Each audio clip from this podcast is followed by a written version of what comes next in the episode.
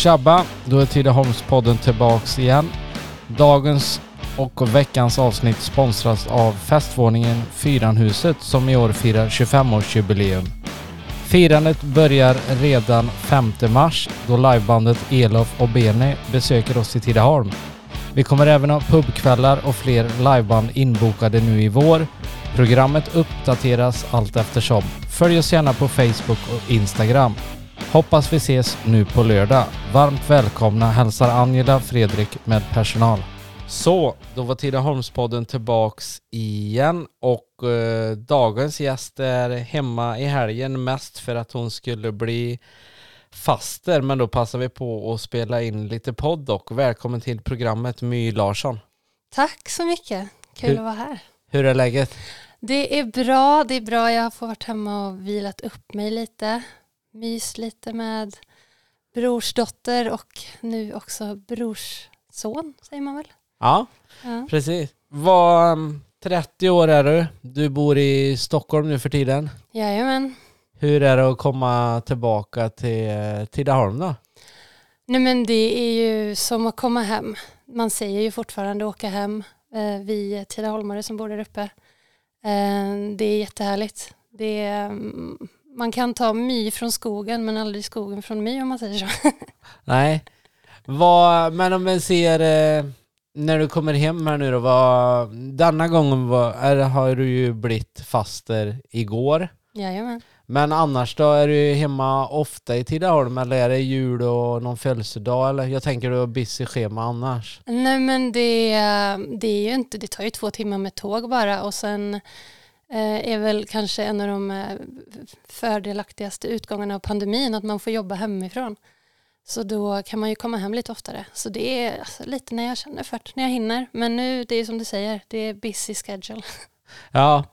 Vad vi gör som vi brukar göra, vi hoppar tillbaka till lite uppväxt och skoltid. Hur har det uppväxten varit? Eh, bra. Jag, jag ska inte klaga på den. Det är ju, eh, man har liksom fått springa av sig. Eh, mycket kompisar, mycket action. Jag och lillebrorsan var jättetajta.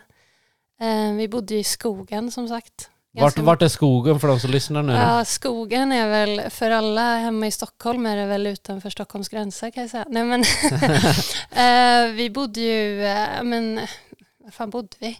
Men vid Hyltasjön, om folk vet vart det ligger. Ja. Eh, upp, det är uppe i skogen, uppe på Hökensås typ. Ehm, och sen eh, ja, men, lite närmare stan, eh, år efter år. Så nu är det ju precis i utkanten av eh, Tidaholm, vid Slalombacken. Ja. Vad um, skoltid då? När du började i ettan och jag tyckte det var kul att börja skolan och kommer du ihåg så mycket? Ja, men vi har ju en sån här liten video. Eh, mamma och pappa var ju flitiga med filmkameran när vi var små. Eh, första dagen i skolan när man går där och är fin och mamma satt upp håret som man slet ut så fort man kom in på skolgården. Eh, grön jacka, jättestolt tjej. Eh, jag har väl alltid, jag tycker, om, alltså jag tycker om människor, jag tycker om kompisar, jag tycker om att göra saker. Eh, skolan var väl en, det var väl lite saker som var svårt där men eh, det är klart jag har väl aldrig gnällt över att vara i skolan tror jag. Nej. Eh, vilken skola gick du ettan till sexan på eller ettan till femman? Eller? Eh, jag säger ju Hökensås men nu heter det väl något annat. Ja men vi, jag säger också Hökensås, Ja. det heter Heliden. Jag vet inte, men det kommer vara Hökensåsskolan, det är Ja. strunt samma. Nej, Hökensåsskolan. Ja, vad, um, vad tyckte du var kul i skolan här nu då? Ettan till sexan liksom. Hade du några ämnen eller var det idrott eller slöjd eller? Mm, ja, pappa var ju min slöjdlärare ett tag så det var väl inte jättekul just då, man skämdes lite. Men eh, engelska har ju alltid varit favoritämne. Det har du haft grym användning för Ja. framöver, i alla fall nu. Ja. Verkligen, Nej, men det, det var jättekul och sen så, men, bilden kommer jag ihåg var ju alltid eh, favorit. Men jag tror jag gillar allt, utom matte. Men eh, det gick det och. ja. Nej men allt i skolan är ju inte kul, så är det ju. Men det är gött om man har några ämnen och att en kanske gillar att gå till skolan i alla fall. Ja, nej, men det, det gjorde jag verkligen. Ja, när du ska välja, mm, eller först tar vi sjuan till nian där då. Nu får du börja plugga lite hårdare antar jag, för du kanske har något hum om vad du vill läsa på gymnasiet eller? Ja, jag hade ju inte det. Det var faktiskt shoutout Benny, eh, min gamla klassföreståndare i 69 som eh, pushade mig till det precis när vi skulle välja, för jag hade ingen aning. Men eh, alltså det, det tickade på liksom. Ja. Vi var ju en av eh, de första klasserna som fick gå i de här nya husen kommer jag ihåg och det luktade så fräscht och gött och man hade skåp och grejer istället för bänkar. Eh, Så det, alltså det var kul. Man, eh, där började också idrotten bli eh, en höjdpunkt i livet. Vad, vad var kul på idrotten då? Eller håller du på Allt. med allt? håller du på med någon sport vid sidan om då? Jag spelade ju i FIF innebandy ett tag. Eh, Det var väl mest på gymnasiet sen. Men eh, allt spela fotboll, eh, hängt i ishallen sedan man var liten. Ja. Så det är mycket sånt. Ja. Men eh, känner du, eller har, har du haft lätt för dig i skoltiden om man tar upp till årskurs 9 då? Har det fastnat grejer eller har du behövt lägga mycket tid på att plugga liksom? Nej, alltså det gick väl ändå ganska lätt vill jag minnas. Ehm, Det var lite tuffare sen när man kom upp i gymnasiet men eh, det var ju också självvalt att det skulle vara tuffare. Men, det, nej, men jag tror att det, det rullade på ändå. Jag vill minnas att jag var ganska nöjd när man gick ut med betygspappret där när man slutade nian. Ja. Sommarjobbar du där eh, när du slutar nian? Genom Ja, kommunen eller något va? Ja, det var väl Marbodal tror Ja. jag. Yes. Vad gjorde du på Marbodal då? Mm, nej, vad gjorde jag? Det var väl eh, byggde lådor tror jag. Ja. Satte ihop lådor. Köksskåp och grejer. Ja. Pressade lådor tror jag. ja. Eh, men eh, du sa att du inte visste vad du ville bli. Vad blev eh, valet på gymnasiet och vart gick du gymnasiet? Mm, Det blev natur på Rubäck. Eh, Inte så lång flytt. Nej. Eh, nej, det, var, det var Benny. Jag var bara lite så här, ska, ska jag, kan jag, är matten ett problem? Och han bara, du kommer klara det. Ja. Så då blev det natur. Vad tyckte du om tre år natur på Rubäck då? Det var lite tuffare. Det var ju, eh, favoritämnena var ju inte någon av naturämnena. Det var ju, det var ju engelska och det var, men jag läste lite franska. Eh, jag menar så estetlinjeprogrammen. Ja. bild och foto och sånt där som man läste till. Och sen så tränade jag också, eller jag spelade ju innebandy. Så då blev det ju idrott och hälsa B och sen lite innebandy innan skolan på morgonen. ja. Men det har ju ingenting med natur att göra. Nej, det var väldigt lite natur att göra. Men eh, åren eh, på Rubäck rullar på ändå och du klarar gymnasiet. Eh, nöd och näppe vill jag säga. Ja. Men det gick. Yes. Hur gött är det att ta studenten där då, om du inte tyckte att natur var rätt val ändå då? Nej, Det var en frihet. Det var, mm, det var riktigt gött att få det bakom sig faktiskt. Ja. Vad minns du hur ni firade när du tog studenten? Var ni iväg på något med klassen eller var ni ute i Skövde, Falköping? Ja, det var ju de här 50 dagars, 100 dagars. Jag kommer ihåg att vi var på Kamratgården ett gäng. Eh, och vi spelade brännboll och hade oss. Det, var, det var ju liksom hela, det var vi och eh, teknikprogrammet. Eh, sen var det säkert alla andra också. Det, man har väl inte så bra minnen därifrån av många anledningar.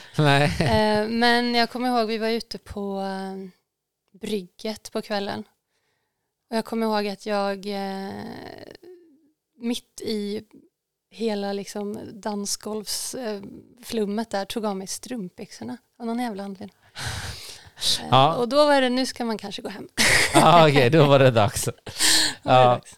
Vad, direkt efter gymnasiet sen Myra, hur går tankarna då? då? Vet, har du något koll eh, på vad du vill bli eller vad du vill jobba med? Eller jag menar, då har du gjort praktik på Marbodal. Var det någonting du skulle kunna tänka dig att gå Mm, Nej, bort och... pappa försökte övertala mig där att det, det är bra betalt och göra det Men jag kommer ihåg att jag hade så svårt att andas. Det var så skitigt där inne. Man var så här, jag vet inte, det var inte min grej. Men eh, det var ju inga liksom linjer eller naturvägar jag ville gå. Det var ingen liksom läkare eller något sånt där som jag hade tänkt först. Utan det blev ju mycket, men jag tror jag sökte sportjournalistik. Eh, och sen musik och event. Och sen så var det någon som sa till mig att jag behövde läsa upp något betyg. Så jag sket ju i att kolla resultaten där och sen gick jag och pluggade lite i ett år. Ja, okej. Sen eh, året efter, då det var någon som tittade på mina betyg och bara, men vad håller du på med? Det här är ju ingen fara. Så då sökte okej. jag igen. Vad sökte du då? då? Ja, men nästan samma, eh, men då kom jag in på um, musik och event, eller music and event management i, på Linnéuniversitetet, fast man, är, man läser i Hultsfred av alla ställen Ja. i ett år. Hur eh, var det då att komma från lilla Tidaholm till Hultsfred? För mig var det inga problem, men jag hade ju många klasskompisar som tyckte att det var en jävla håla. Ja.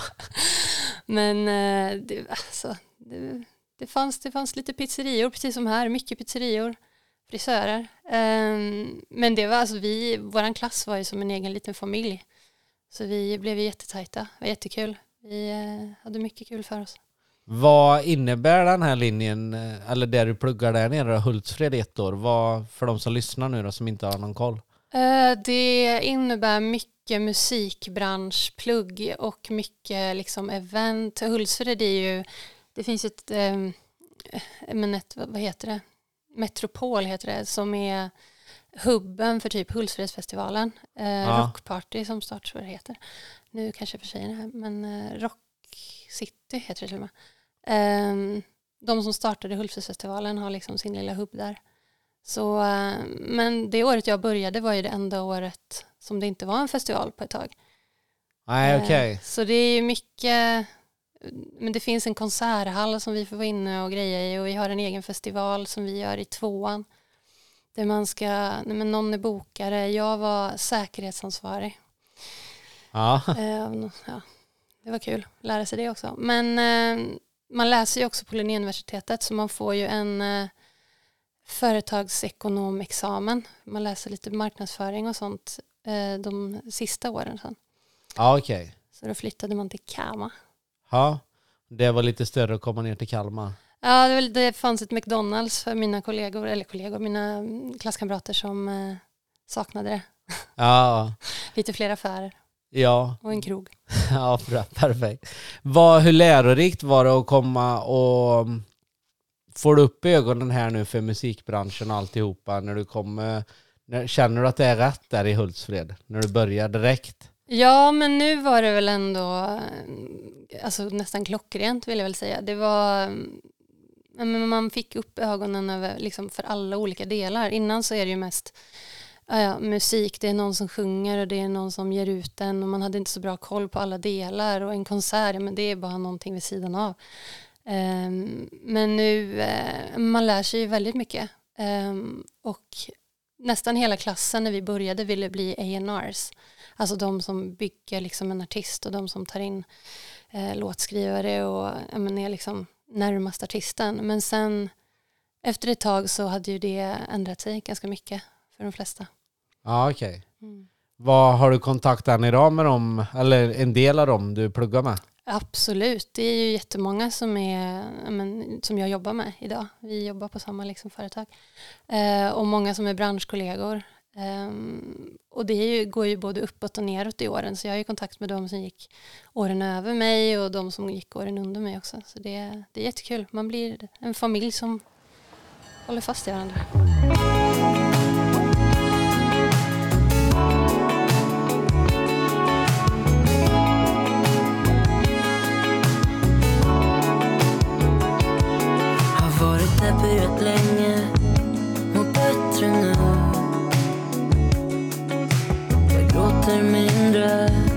Jag gjort förut.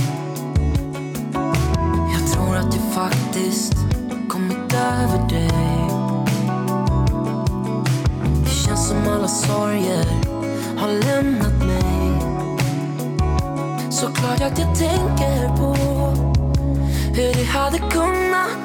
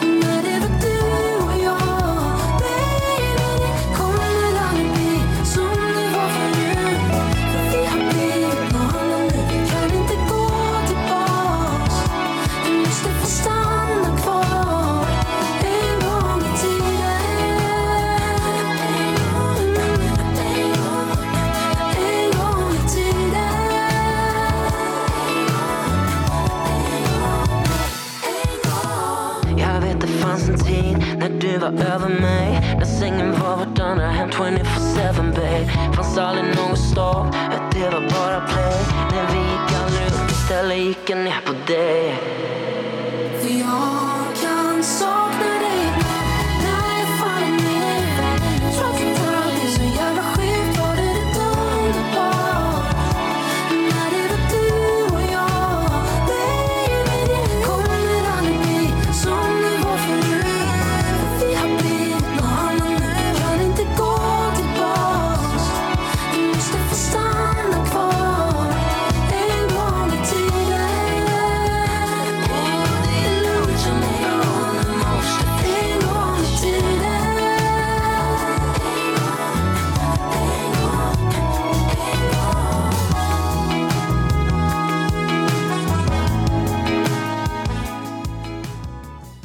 Så, då är vi tillbaks igen med dagens gäst My. Och eh, du sa det var ett och ett halvt år i Hultsfred och sen var det vidare ner till Kalmar. Men eh, när utbildningen är klar där då, vad står jobben på rad och ropar vi vill ha My eller vart, vad händer? Nej, vi, eh, vi avslutade ju med en praktik och då hamnade jag på Sony Music, skivbolaget. Eh, och sen så blev jag ju kvar där och det är ju, alltså, man måste ju verkligen sticka ut och man behöver ju kämpa. Eh, man fick ju höra då på den tiden och just i den här branschen att det är många som vill ha det här jobbet. Eh, så man ska liksom vara försiktig. Eh, eller man ska, man ska inte gnälla typ. Så eh, man var jävligt glad att man hamnade på Sony Music. Och det var ju, det var ju tur att jag, nej men jag, jag letade upp en, en tjej som jag tyckte så skön ut och så skrev jag till henne, hej jag måste göra praktik, får jag vara hos er? Ja, okej. Ja. och sen blev jag kvar. Vad, vad får du göra här när du eh, kommer ut på praktik och när du börjar jobba sen? Vad är de första jobben du som... Jag antar du hamnar alltså nästan längst ner i trappan. Ja, det var ju steget över koka kaffe och köpa fika. Ah. eh, nej men det är ju, alltså man, det är Det är ju så det börjar. är. Ja, Ja. det är ju så man börjar. Eh, nej men sen eh, när jag hade gjort praktiken som jag gjorde på den internationella avdelningen, alla som jobbar liksom med, med utländsk musik eller med utländska artister, så blev jag någon slags eh, junior eh, PR assistant, någonting sånt där clashigt, hittepå eh, titel typ. Eh, och då jobbade jag ju med att eh, men promota musik i Sverige. Så det är alltså, men One Direction eh, fick jag vara med på ett hörn och jobba lite med. De, de hade ju redan slagit igenom ganska bra då när jag kom in. Eh, men men skicka ut pressmeddelanden om nya låtar, eh, hjälpa till att pitcha till radio, eh, göra liksom PR-event. Ibland så har man ju inte tillgång till artisten om det är en sån här stor, eh, men typ Daft Punk. Det är inte så att de glider in och säger hej hej, vad ska vi göra för intervjuer? Utan då får man ju koka soppa på en spik och tänka hur kan vi liksom få folk att få upp ögonen för det här bandet? Och då kommer jag ihåg att vi hade så här, de har ju hjälmar, eh, det bandet, lite, det är deras liksom signature look om man säger. Och då gjorde vi sådana pappershjälmar som vi gav ut på lite olika ställen. Och då fick man sitta och vika dem, lite origami. Ja. Vad, ehm, hur länge är du kvar på Sony sen då? Hur många år blir det? Nej, men det var väl strax under två tror jag. Ehm, sen var det ju just det att det, det får bli en projektanställning så länge vi behöver dig och sen så gick det inte längre. Nej. Så då fick jag leta mig vidare och då startade jag eget. Okej. Vad... Är du fortfarande kvar i Stockholm då? Jag är fortfarande kvar i Stockholm.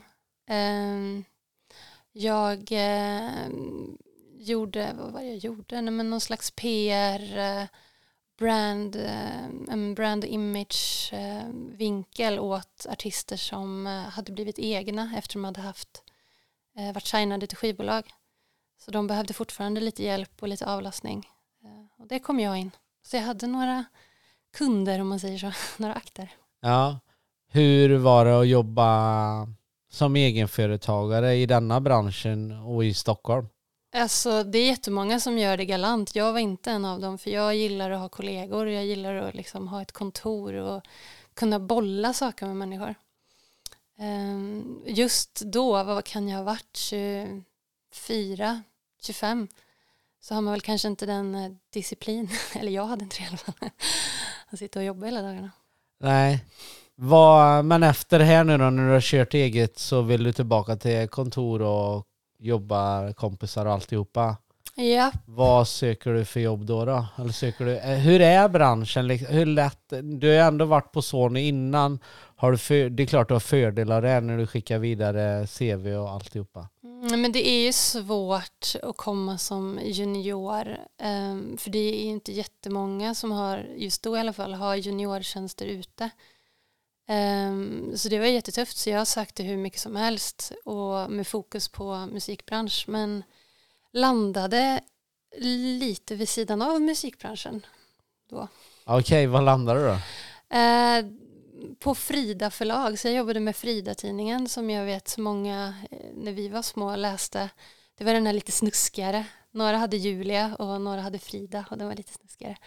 eh, så jag jobbade med Frida-tidningen och eh, Solo och Chic, men på, på ett förlag helt enkelt som eh, först som sociala medieredaktör och sen blev jag videoredaktör och videoproducent. Ja. Hur var det att komma från musikbranschen in i detta nu då? Det är ju två skilda. Eh, nej men mina kollegor tänkte väl att jag var en eh, himla bra tillgång som eh, kände så många människor som de vill intervjua. Men det, alltså, man, man hade ju varit på ena sidan om man säger så. Man hade ju varit liksom hos artister och bokat intervjuer och visste lite hur det funkar. Så det var väl en, en fördel jag hade. Men sen när jag gick över till videoproducent, det var ju någonting jag lärde mig helt själv och hittade på. Okej. Så då satt jag så här och intervjuade människor fast framför en kamera. ja, hur var det då? Ja, det, alltså, jag vet inte, fake it till you make it säger jag. Vem eh, var den största du intervjuade här nu då när du jobbar på Frida-tidningen? Mest kända? Eh, mest kända som jag intervjuade själv, jag vet inte, var väl Daniel Hallberg. Ja. Eh, nej men vi gjorde ju grejer med, vad heter de, Little Mix, tjejbandet.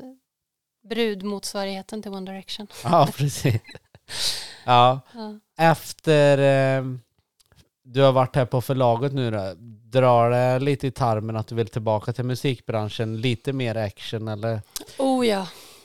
var det lite för lugnt för mig? Nej, det var nog lite fel fokus för mig. Ja, Det var lite, och att vara på en redaktion, alltså de som känner mig när jag var liten vet ju att jag hade ju sjukt mycket killkompisar. Och att vara my på en redaktion med bara tjejer, det fick ju mig att skrika inombords. ja okej. Ja, men du är ärlig i alla fall, det gillar jag. ja. Vad, vad blir det för jobb eh, du söker och vad... Nej men det var ju eh, min dåvarande rumskamrat och eh, gamla klasskompis eh, som eh, hade börjat jobba precis på Live Nation som är men, eh, världens största aktör inom men, konserten och, konserter och live-event. Ehm, och hon sa att de sökte en, eh, men, vad var titeln då? Marknadskoordinator tror jag. Eh, så då sökte jag den. Och efter en himla lång period så fick jag jobbet. Ja. Mm. Hur mäktigt är det då för alla? Ja men du säger ju att de är ju störst i världen. Nej men alla som har gått på en konsert någonsin har väl i alla fall haft en ganska stor chans att det har varit ett Live Nation-arrangemang eller en Live Nation-artist de har sett. Eh, och vi är ju, svenska kontoret är ju eh, näst störst i Europa. Eh, om jag inte ljuger nu, men det tror jag det ska vara så. Det är vi och sen är det UK, eh, britterna. Och sen finns det ju, det finns ju kontor över hela världen. Eh, huvudkontoret ligger ju i Beverly Hills, tror jag. Oj, har du varit där någon gång? Absolut inte. Absolut inte. Nej. Hur många jobbar eh, uppe i Stockholm då, där du är? Cirkus? Eh, Men 80-ish. Vi har ju Sweden Rock också som eh, ligger hos oss, fast de sitter ju nere i, eh, vad heter det, Sölvesborg. Ja. Men vi är väl, kan vi vara 80 kanske, ja. pers? Vad, är det ett kontorskomplex ni sitter i eller hur funkar? Nej, vi ska ju faktiskt byta kontor nu till någonting helt nybyggt, vilket är det bästa som har hänt på länge om man frågar mig. Men vi, bor, eller vi sitter liksom i en gammal men garnison, så det är väldigt mycket korridorer och smårum och två våningar. Eh, det är supernice, men eh, det fräsigaste är nog när man kommer in i liksom receptionen och det är så röd matta och ser lyxigt ut och sen så går det runt hörnet och man bara, jaha, var det inte fräsigt? Ja, var det gamla skolan? Sju nian? Ja, ja, men lite så. Men det, alltså det är, jag älskar mina kollegor, jag älskar att vara på kontoret. Vad, um, hur, eh, hur jobbar du då? Jobbar du måndag till fredag? Ingen idé att tro att du jobbar. Du jobbar garanterat mer. Men eh, tidsmässigt då? Gör du 40 timmar i en vecka eller? Mm, Ja, det är olika. Det beror på. Ibland så är det ju eh, superlugnt och då kan man väl passa på att ta det lite lugnare och kanske, eh, jag vill inte säga maska mer, men alltså du sliter ju inte ut dig precis. Men sen så är det ju perioder som nu eh, efter en pandemi när det inte har varit några konserter på ett tag och sen så ska allt ut samtidigt och då, då är det inget 9 till 5 jobb liksom utan då är det så fort du hinner när du hinner. Ja. Vad, vad innebär, vad gör du på eh, Live Nation? Vad innebär ditt jobb förenklat då för lyssnarna så de är lite hum om vad du sitter och gör? Uh, nej men jag sitter väl på två stolar, eller tre stolar egentligen skulle jag säga. Jag har eh, alla som uh, följer Live Nation i sociala medier. Uh, det, är, det är jag som är lite ansvarig för alla sociala medier och ser till så att det rullar och ser, tonaliteten är bra. Så att, för vi har ju väldigt mycket, det är ju allt ifrån men heavy metal till liksom en eh, musikal. Och det är ju, man pratar ju till många olika målgrupper och då ska man försöka få ihop det i sociala medier. Ehm, men sen så jobbar jag på vår agentur. Vi är ju en av de Live Nation-kontoren som också har en agentur där vi har liksom ett stall av egna artister eh, som har sin agent och som man bokar ut eh, turnéer och sätter ihop turnéer med. Ehm, och sen är jag också marknadsansvarig för Summerburst. Yes, och det är inget litet. Nej, det är en av eh, våra största liksom, elektronisk musikfestivaler här i Sverige. Hur, hur mäktigt är det nu då? Du är 30 än så länge. Mm. Vad, hur mäktigt är det att ha detta jobbet som du har nu? Liksom, hur känns det liksom? Alltså jag tror man är lite hemmablind. Det är ju alltså, För dig kanske inte... Eh, nej men för mig är det Nej. liksom alla artister, det är ju som mina kollegor liksom och det är ju också kompisar och jag förstår ju, nej men alltså när man träffar någon eh, random människa som kanske inte jobbar i den här branschen att det är eh, men, en stor grej och det är ju jag men, alltså paparazzis som tycker det är superviktigt att följa efter kända människor. För mig är det ju bara så här, men de är vanliga människor som gör sitt jobb liksom. Eh, men det är klart, alltså det är ju det här jag ville när man var liten, när man stod där fem år i vardagsrummet och satte upp någon slags show för mamma och pappa. Finns det på film så vi kan lägga ut det till podden eller? Absolut finns det på film. Nej, det ska vi inte göra. Vad, när du var ung och växte upp då, vad, vad hade du för artister och vad följde du för band och såg upp till? Westlife. Hela rummet var ju tapetserat med Westlife posters där ett tag. Eh, men sen morsan spelade ju alltid så gammal 80-talsmusik så det har ju varit mycket liksom sånt som man också har lyssnat på. Det är, tack morsan för det. Eh, nej, men det är väl jättehäftigt. Eh, och sen var det en period när det var mycket liksom, man skulle vara någon slags emo och lyssna på svår skatepunk typ. ja. Så det har varierat och nu är man ju lite arbetsskadad så nu lyssnar man ju på allt. ja. Men har du något, eh, lyssnar du mest på svensk eller utländsk musik nu då, idag? Utländskt tror jag väl ändå. Det är ju ett band som har följt med mig sedan ja, men, 2011 som jag alltid går tillbaka till och det är ju The 1975 från Manchester.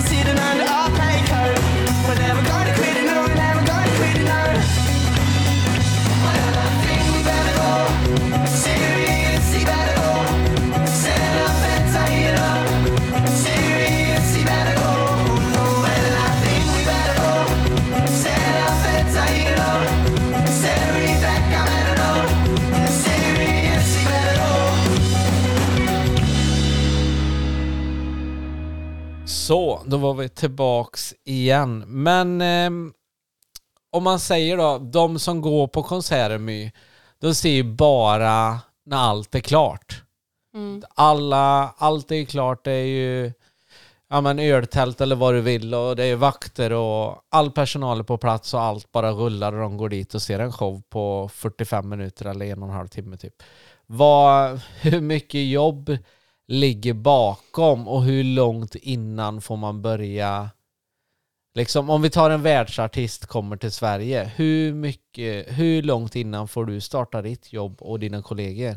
Ja, det är ju en bra bit. Eh, alltså det beror väl på. Nu, man kan ju göra saker på en handvändning. Det är ju inte optimalt. Eh, men, eh, men det börjar ju liksom pratas ganska långt innan, nästan, men, ibland över ett år. Vi har ju liksom släppt biljetter två år innan artisten ens kommer hit. Och då börjar ju det andra jobbet mycket tidigare. Ehm, så det, alltså det börjar ju med någon liksom dialog. Om man tar en världsartist så är det ju en agent som sitter där och pusslar ihop en turné och sen så ser de att nej men vi ska till Sverige också. Det passar in på liksom rutten vi ska åka. Um, och sen antingen så kontaktar väl de en, en bokare eller en promotor Eller så kontaktar eh, med någon av våra agenter en, en lokal arrangör, typ här i Tidaholm. Um, och så säger hej den här artisten ska ut på turné, eh, den ska komma till Sverige och sen så bokar man in eh, men, en, eh, en lokal eller en venue som det heter um, och börjar liksom jobbet där bakom eh, och se till så att men, Eh, det finns ju en vision om det är någon som har en jättestor turnéproduktion och med produktion menar jag liksom en stor scen för scenerna följer ju med. Det lastas ju in i lastbilar och körs runt liksom och byggs upp eh, och plockas ner direkt efter. Eh, och den ska ju få plats och om den inte får plats så får man ju kolla på hur man ska skala ner den. Ehm, och sen så ska ju jag som jobbar med marknadsföring lyckas sälja biljetter på rimlig tid. Så då vill det ju till att jag får information och kan släppa biljetter eh, bra innan. Eh, så man får liksom en chans att sälja ut det här. Eh, och sen så ska ju allting sättas ihop. Det ska bokas flyg och det ska bokas transport och det ska bokas hotell. Och det ska repas. Om det är en egen turné med en artist som vi har själva så ska ju den stå i några dagar med band och se till så att allting sitter. Ehm, och det är, det är lampor och det är pyroteknik, alltså eld och puff puff och konfetti och sånt. Och det är ljud. Ja, det är mycket. Ja, det är en himla cirkus och man sitter ju, alltså man är ju ett stort gäng bakom allting. Hur många kan ni vara? Ja, det beror på. Det, alltså är det en stor världsartist så kan det ju vara eh, ett sällskap på nästan 60 pers som de kommer med och sen har ju vi våra också. Ja. Eh, så det, det, ja, det är ett himla roddande. Hur gött är det sen då när du då, om du är ansvarig, ja men biljetter och alltihopa. Hur gött är det att se slutsålt? Ja, det hände ju faktiskt för första gången på ett tag här i veckan och då skrek jag rakt ut. Det var två utsålda, jag tror det tog 12 minuter, två kvällar. Eh, så vi släppte efter varandra, det var ju helt sinnessjukt.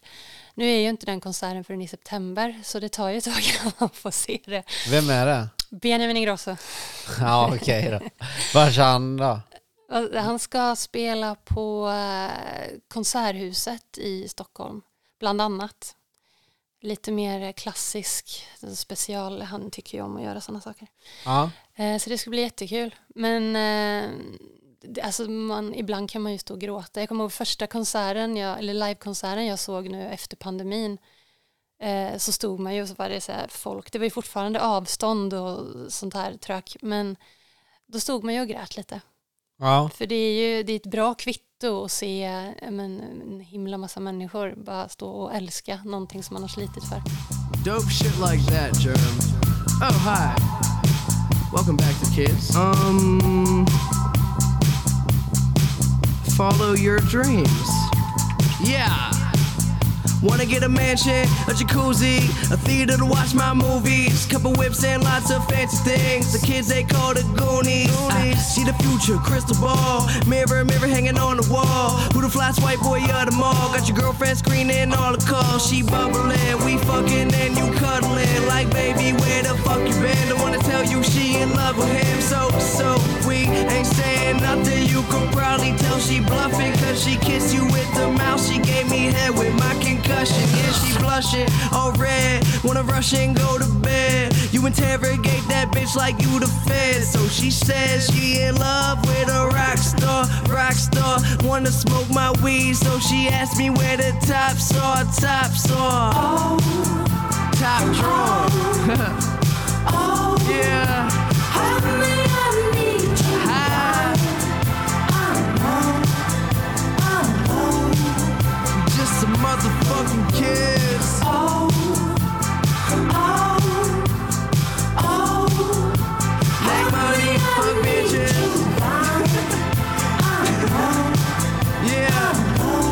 Pittsburgh. Hey, John, hey, these hoes is drunk. Wanna come and smoke this blunt? Then let me take them home and do anything I. I said, baby, I can ride ya. Just let me get inside ya. I can take you higher if you hit this vaporizer. I got that dope dick. I be a supplier. You grabbing all my sheets and hitting notes like you Mariah. Obsessed with me. Undress a freak on ecstasy. I'm out and then she texts me like, what you doing next week? Next week. Yeah, me now. I'm down on knees and praying the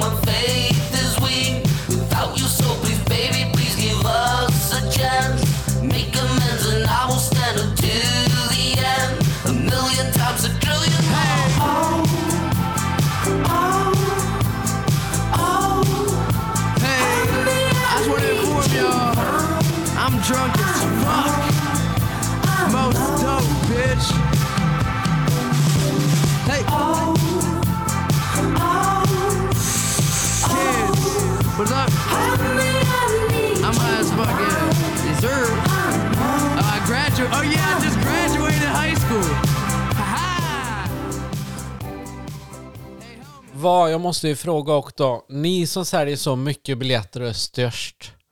Hur vanligt är det med förfalskade biljetter på era arrangemang?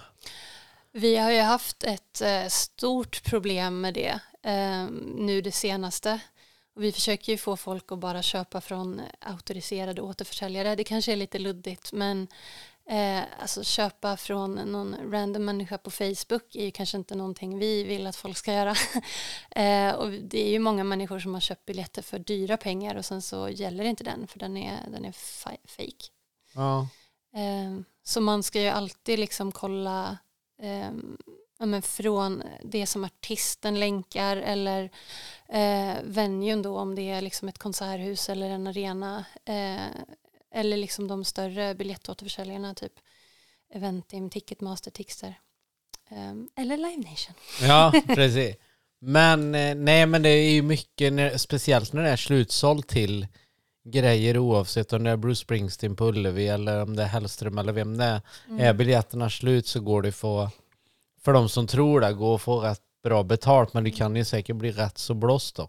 Ja, Det måste ju svira rätt gött och ge 2000 per biljett och så kommer man ner till Ullevi alltså jag, och den gäller inte. Nej, eh, det är ju det är riktigt surt. Ehm, Men alltså det är ju folk som gör det och vissa köper ju också hur många biljetter som helst och sen säljer de dem vidare för riktigt mycket mer pengar än vad de egentligen kostar. Och det, det har ju jag sett. Jag vet ju min egen mamma hade ju at- attendat ett event på Facebook tror jag som var det stod att det var Live Nation som arrangerade det men jag bara, vi gör inte det här. Det här är inte något av våra. Det här är liksom ett fake-event. Jaha, okej. Till och med ja. så, ja Till och med lilla mamma åkte på den. Nej, men det, men man, alltså man har ju ingen aning. Det är, ju, det är ju vi som sitter med det hela tiden som faktiskt vet vad som är fejk och vad som är riktigt. Men eh, man ska alltid kolla lite vem det är som arrangerar allting. Ja. Eh, när du inte jobbar eller när du jobbar då säger vi, om det är någon stor, försöker du kunna gå och kolla själv på lite artister eller är det ändå att du måste försöka jobba? Eller känner du att du kan vara bocka av, check på den, nu är alla biljetter slut. Nu kan jag sätta mig där uppe och ta två platser och kika på detta. Alltså det är ju lite både och. Oftast så har ju jag ett jobb att göra även på plats. Är det liksom en stor konsert då är man ju eh, men ansvarig liksom marknad och det är fotografer som ska lotsas in och ut i diket och det är recensenter på plats som ska ha siffror efteråt. Ehm, och ibland så måste man ju också vara på plats ifall det händer någonting. Ifall Dave Grohl ramlar av scenen och bryter benet till exempel. så måste man kunna prata med pressen. Eh, så är det liksom någonting som vi eh, ett, en konsert som vi arrangerar till 100 procent. Ibland så säljer vi ju också konserter ut till ja, men, lokala arrangörer runt om i landet. Eh, och då kan man ju åka dit och bara vara ledig och liksom njuta. Eh, men eh, ibland är det ju så less och du vill bara sitta där bakom i produktionskontoret och ha liksom öronproppar i och bara tystnad. Typ. Ja, Men det är inte ofta. Man, eh, man hinner ofta liksom springa ut och ställa sig och kika också. ja. Vad, ehm, nu då, Summerburst, är det det största som är på G framöver här 2022 nu? På ditt schema? Ehm, som jag jobbar med själv, ja. Men sen så har ju vi sjukt mycket annat. Sweden Rock, Lollapalooza, Way Out West och en himla massa andra konserter. Ja. Ehm, så det är mycket. Men Summerburst är det största för mig. Det tar mycket tid och energi och kärlek. Hur snabbt kommer det gå att sälja slut det tror du i år då? Med tanke på att det har varit corona här emellan nu. Ah, jag vet inte. Det kommer gå fort. Hoppas jag, jag hoppas det, men jag vet inte. Det är, alltså folk, folk har ju ändrat beteende. De eh, köper ju biljetter mycket senare också. Eh, så det alltså det är jättesvårt att säga. Ja. Men eh, Men förhoppningen är... jag hoppas att det går fort. Ja, precis. Du går och lägger dig och så två dagar senare vaknar upp. Ja, klart. Ja. Vad um, artister och sånt du har träffat då, genom alla år här nu, Myra, är det några du, ja men liksom du känner att du är tjenis, tjenis med, men, nej men alltså som du har eh, lite vänskap med? Ja men absolut. Alltså det är ju eh, det är ju som sagt mina kollegor ibland eller eh, med folk man träffar i jobbet.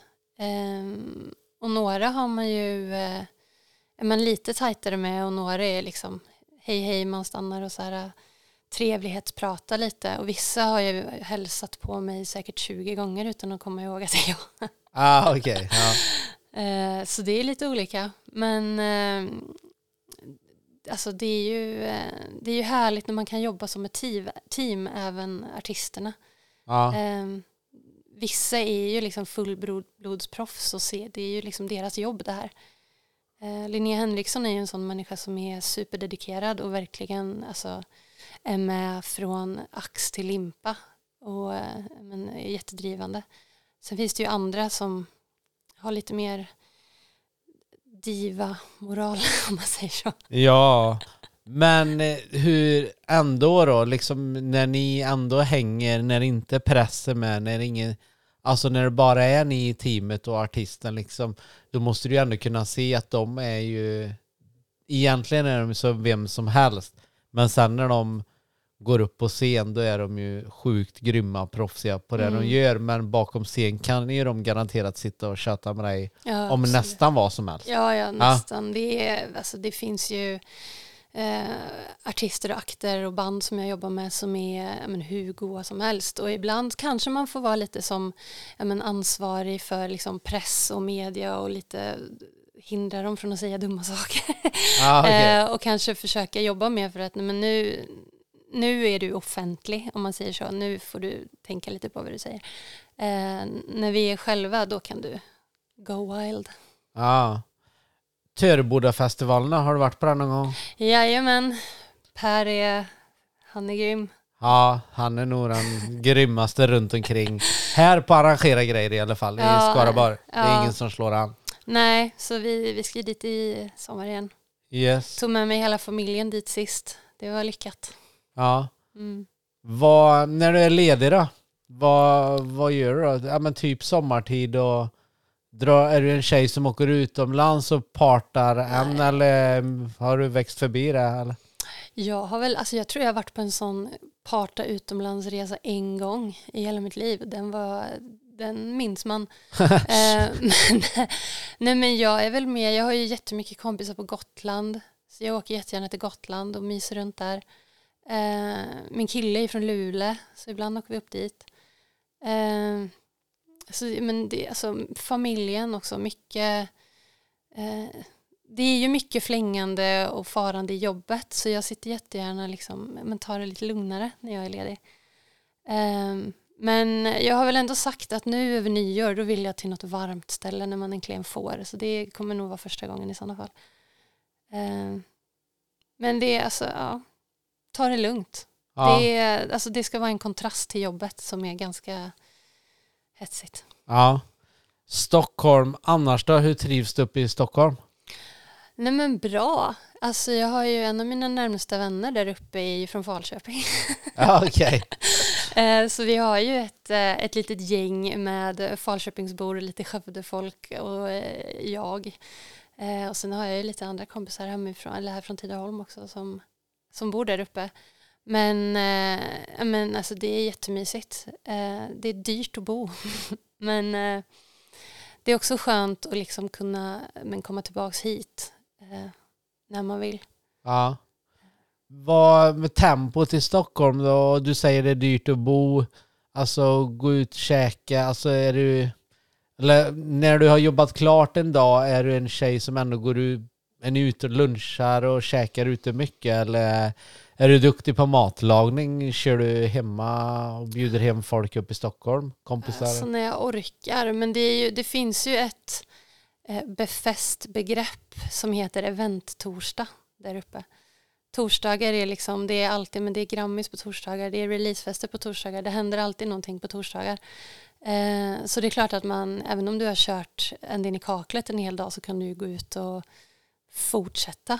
Eh, men nu, jag vet inte om det är att man har kommit upp i åren, men jag går hellre liksom och tränar och åker hem och typ äter mat hemma. Ja. Eh, Men man får väl unna sig lite ibland. Jag har ju lyckats tatuera unna dig på benet så jag får äta upp det ibland också. Ja. Vad, ehm, framtidsplaner annars då? Om eh, vi skulle köra en intervju om en fem, tio år då? Vad, vad tror du befinner dig då, då? Är du fortfarande kvar i Stockholm eller i Sverige eller har du, ser du, sätter du upp några mål? Nej, alltså jag, är- jag, gillar, jag är lite för spontan för det. Men jag har ju, inte för att nämna några namn, en eh, god vän här hemma i Tidaholm som har startat någon slags kampanj där hon börjar skicka husannonser till mig för att jag ska komma tillbaka. Okej. Eh, Men tyvärr så är nog det en bit bort. Men jag vet inte, alltså jag har ju säkert någon slags liten stuga här hemma på Slätta. Eh, eller i Luleå eller båda två. Ehm, men jag tror nog faktiskt jag bor kvar där uppe i Stockholm. Kanske inte är kvar på Live Nation. Eller så är det. Ja. Ehm, eh, ja, ja, jag vet inte. För ett tag sedan nu här mitt under pandemin när man var som deppigast så ville man ju också byta bransch helt. Ja, det, det är inte varit, eh, nej, det har ju inte varit läge, alltså det har ju inte varit någonting. I princip på, vad är det, två år minst. Nej, stendött. Ja, då är det inte det roligaste jobbet att ha när du inte ens, du har ingen aning om när Nej. eländet tar slut. Började göra tv istället med lite livekonserter, eller det var inte ens live, på tv. Men det var ju inte jättekul. Man vill ju ha en publik. Ja, det är det som är grejen. Hur, eh, har du varit ute nu sedan eh, restriktionerna släpptes upp i Stockholm eller någon annanstans? Nej, jag spar på det. Mm. Det är, eller, ja. Men det är bara att se på tv och kolla nu. Nu är ju suget enormt. Ja, det är verkligen det. Eh, Jag ser fram emot, vi har ju, jag ska jobba Mello nu nästa helg eh, i eh, Friends Arena är det då. Mm. Eh, och sen så har ju vi en, en stor konsert på Globen som är utsåld så då får man väl kanske peppen tillbaks lite och sen så eh, är det ju allmänt känt att efterfesterna efter Melodifestivalen är något utöver det vanliga. Ja. kan fråga lillebrorsan som jag släpade med en gång. ja, jag ska kolla med Timmen då vad han säger. vad, men eh, om jag sitter här nu och lyssnar på dig och tittar på dig, du känns inte som en mellotjej. Absolut inte. Nej. Nej, men jag ville bara flika in. Nej, men ehm, det, är- den utsålda konserten är ni arrangör för också, eller hur? Och det är. Ledin. Det är Ledin. Ja. Men ehm, det var ju lite skriverier om det i tidningen.